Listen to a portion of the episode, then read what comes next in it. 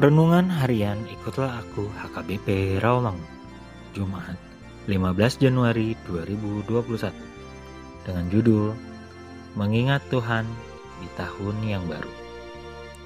Bacaan kita pagi ini tertulis dalam Habakuk 2 ayat 16 sampai 20 dan bacaan kita malam ini tertulis dalam Kisah Para Rasul 13 ayat ke-16 sampai 25.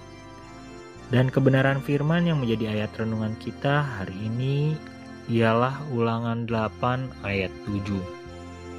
Sebab Tuhan Allahmu membawa engkau masuk ke dalam negeri yang baik, suatu negeri dengan sungai, mata air, dan danau, yang keluar dari lembah-lembah dan gunung-gunung.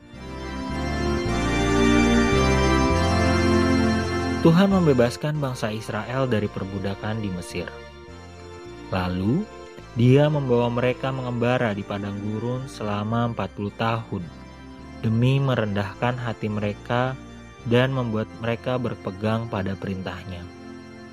Pada akhirnya, dia membawa mereka untuk masuk ke tanah perjanjian yang penuh dengan kelimpahan. Bagaimana perasaan kita memasuki tahun 2021 ini?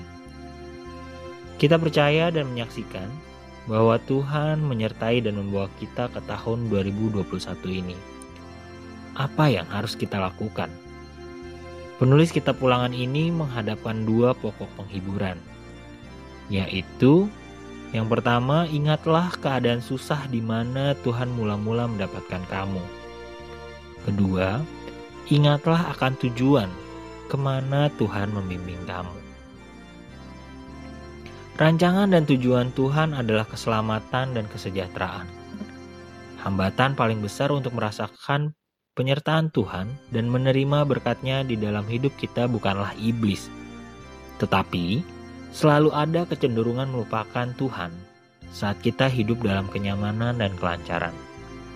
Oleh karena itu, dia perlu memperingatkan bahwa melupakan Tuhan bukan hanya tidak lagi mengakui keberadaannya, tapi juga berarti tidak lagi hidup menurut perintahnya. Dan kita menjadi tinggi hati dengan menganggap segala yang kita peroleh sebagai hasil kerja keras dan kepandaian kita. Hanya melalui pekerjaan roh kudus dalam hidup kita, kesombongan dapat diatasi sehingga kita dapat mengelola berkat-berkat Tuhan.